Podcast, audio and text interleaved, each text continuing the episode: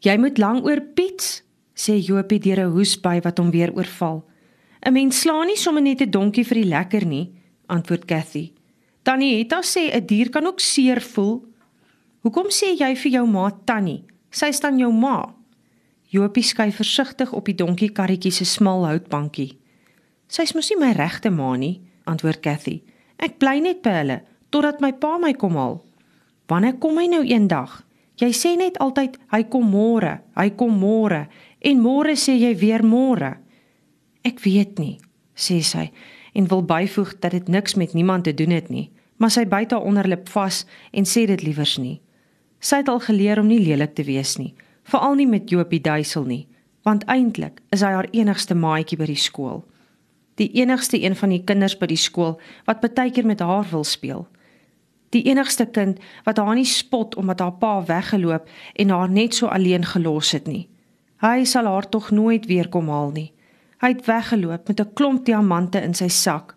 Weggeloop ver oor die diep blou see. Sy dink hulle jok, want 'n mens kan mos nie oor die see loop nie. Net Jesus kan. En juffrou sê Jesus is nie so 'n soort pa nie. Jy moet vinniger ry, sê Jopie weer en Cathy hou op droom. Jy weet mos hulle gaan weer die hek voor lank oor sy bek toe maak. Jopie krimp in mekaar van die hoes en trek sy hoed verder oor sy ore.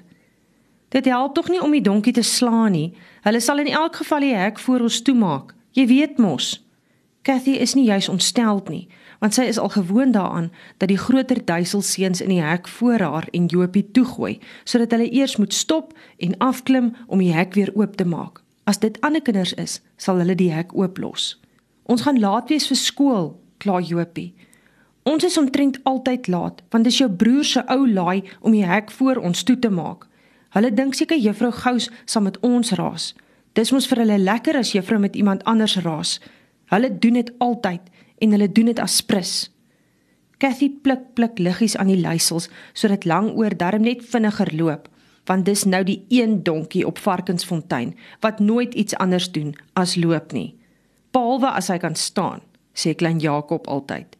Hy kan dit regkry om langoor amper te laat draf, maar klein Jakob gaan mos nie skool toe nie. Henny Duisel sê dis omdat klein Jakob swart is. Swart kinders mag nie na 'n wit skool toe gaan nie en hier is nie 'n skool vir swart kinders op Muurse Hoop nie. Wie sal nou in elk geval langs klein Jakob wil sit? Net Cathy miskien, maar dis mos omdat sy eintlik Engels is. Omdat niemand anders met Cathy maats wil wees nie, is sy en klein Jakob in die middag maats. Dis wat Henny Duisel vir die ander kinders vertel. Ons is klaar weer laat, kerm Jopie. Ons is altyd laaste, sê Cathy, omdat ons lank oor self moet inspann. Wat sy nie byvoeg nie, is dat die ander vier kinders van Varkensfontein met die groot donkiekar en twee flikse donkies skool toe ry.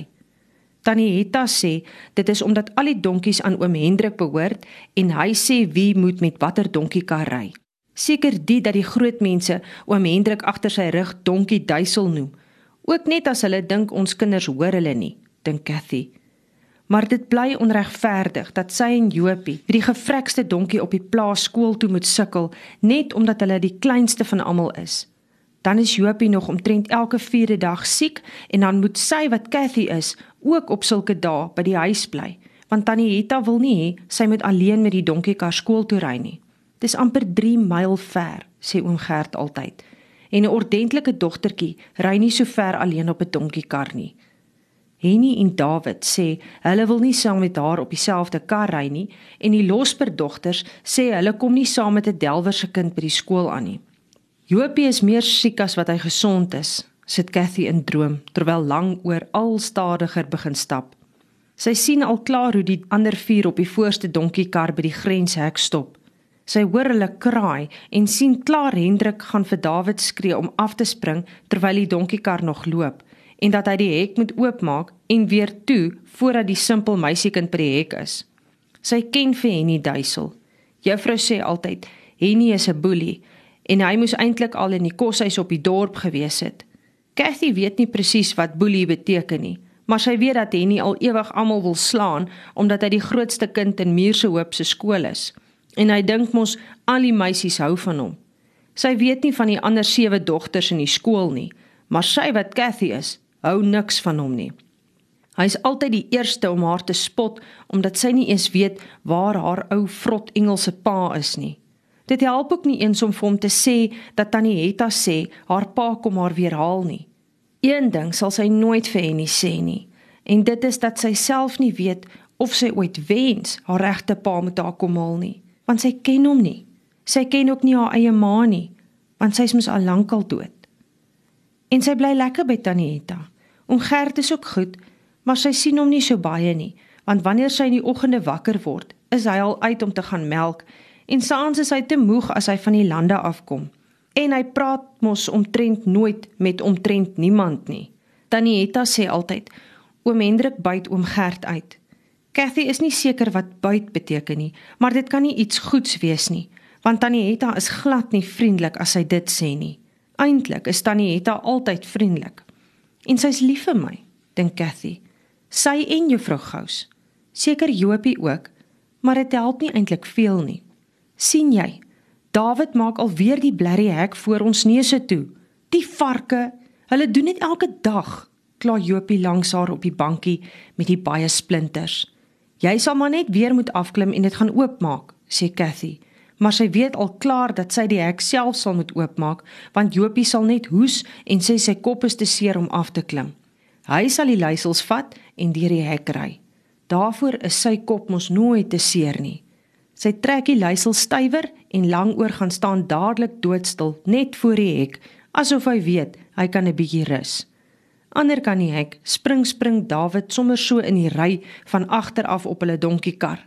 Toe hy sy sit kry en sy twee lang bene swaai swaai agter afhang, lag hy en steek sy vieslike rooi tong vir haar uit. 'n Entjie verder hou hy nie stil. Cathy gee die luisels vir Jopie en klim af om die hek oop te maak. Sy weet sy gaan weer sukkel, want Dawid kyk altyd hoe styf hy die hek kan trek sodat sy moet sukkel. Op die voorste bank van hulle donkiekar gaan Henny regop staan asof hy 'n skoolmeester is wat met die klas wil praat.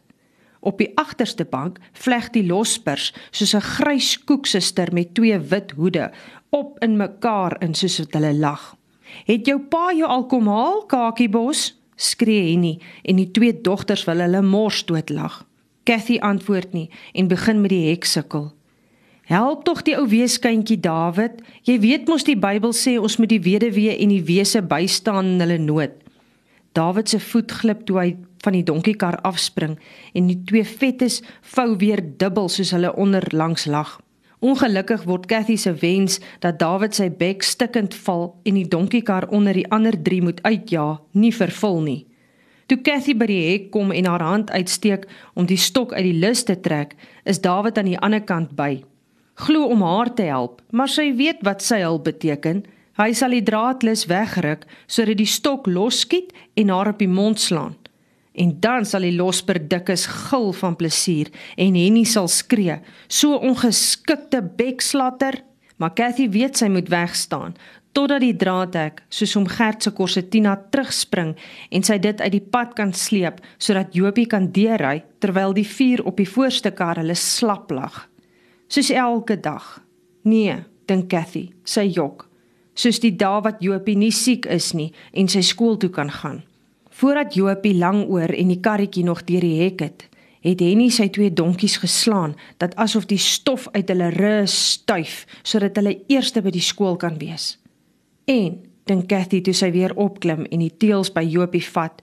By die skool sal die donkiekamp se hek toe wees en sy sal dit met oop sukkel want Jopie hoes te veel van die stof. In die skool moet hulle almal eers langs hulle banke bly staan. Almal saam. Môre juffrou sê voordat juffrou bid. Sit sê juffrou toe sy klaar gebid het. Ons lees van die weduwee se kruik. Die enigste weduwee waarvan Cathy weet is die afarma van die twee lospers. Sou die weduwee in die Bybel ook twee sulke vet dogters gehad het? Seker nie, want dan sou die weduwee beslis nie in die Bybel gewees het nie. Cathy glimlag stilletjies en kyk na die kinders in die klaskamer. Die kleintjies wat nou eers in graad 1 is, sit in die voorste ry. Daar's vanjaar niemand in graad 2 nie. Dan Cathy en dan die ander twee kinders wat in standaard 1 is agter hulle Jopie, die enigste in standaard 2, agter Jopie, die lospers en dan David Duisel. Heel agter sit die drie grootkinders wat al volgende jaar hoërskool toe moet gaan. Koshuis toe in die dorp. Dankie tog, dink Cathy. Dan sal Henny Duisel weg wees. Dis te sê as hy nie weer druip nie. Sakdoeke uit, sê juffrou, en Cathy haal haar sakdoek uit haar roksak. Vou dit op die bank voor haar oop en sit haar twee hande op die wit sakdoek neer. Want soos elke dag wil juffrou kyk of elke kind 'n skoon sakdoek het en of hulle naels vuil is. Juffrou Gous loop tussen die banke deur, haar bril amper op die punt van haar neus. In haar een hand die liniaal waarmee sy vuil hande oor die kneukels tik. Eendag droom Cathy. Eendag gaan ek ook my hare so swart maak en dit in 'n netjiese bolla agter teen my kop oprol. Toe Tannie Hetta se dogters eendag by die huis was, het hulle vertel dat hulle daar in die stad selfs blonde hare soos Cathy se donkerder kan kleur. Hulle het nog beloof as Cathy eers in die hoërskool is, sal hulle haar een vakansie saamvat Johannesburg toe om haar die stad te gaan wys. Tannie Hetta het gesê sy sal dit wragtig nie toelaat nie. Juffrou Gous kom staan by Sunny Losper. Jou naels is nie mooi skoon nie. Loop skrob dit in die badkamer. Nou, vra Sunny, nou dadelik. Kan Annie saamgaan? Nee, sê juffrou.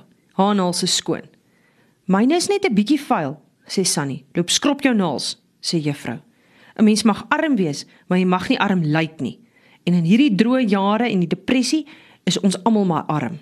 Ons is nie arm nie, sê Henny. My pa's ryk. Hy is altyd ongeskik met juffrou, dink Cathy. Eintlik is hy ongeskik met almal. Dan is jy geseënd, sê juffrou maar dit lyk nie of sy vies is vir Henny se so ongeskikheid nie. Wat is depressie, juffrou? vra Jopie. Volksarmoede, antwoord juffrou. Cathy het self gewonder wat depressie beteken. Nou weet sy nog minder. Oom Gert praat ook altyd van die droogte en die depressie. Almal weet wat droogte is, maar depressie moet erger wees. Lekker, dink Cathy. Henny sal weer hou op sy vingers kry, want sy naels is nooit skoon nie. Juffrou Gous is die enigste een in Muurshoop se skool wat nie bang is vir Henny Duisel nie. Cathy, vra juffrou, sal jy asseblief die potlode uitdeel? Cathy het geweet juffrou gaan haar vra. Sy vra altyd vir Cathy en Cathy weet juffrou is lief vir haar, want sy doen haar huiswerk so goed as wat sy kan. En as sy sukkel, help tannie het haar, al is tannie het tannie regtig haar ma nie. Partykeer vra juffrou haar selfs om te sing, want juffrou sê sy sing die mooiste in die hele skool. En as hy dit vir Tannie Hetta sê, dan sê Tannie Hetta altyd, sy sing net so mooi soos haar oorlede ma.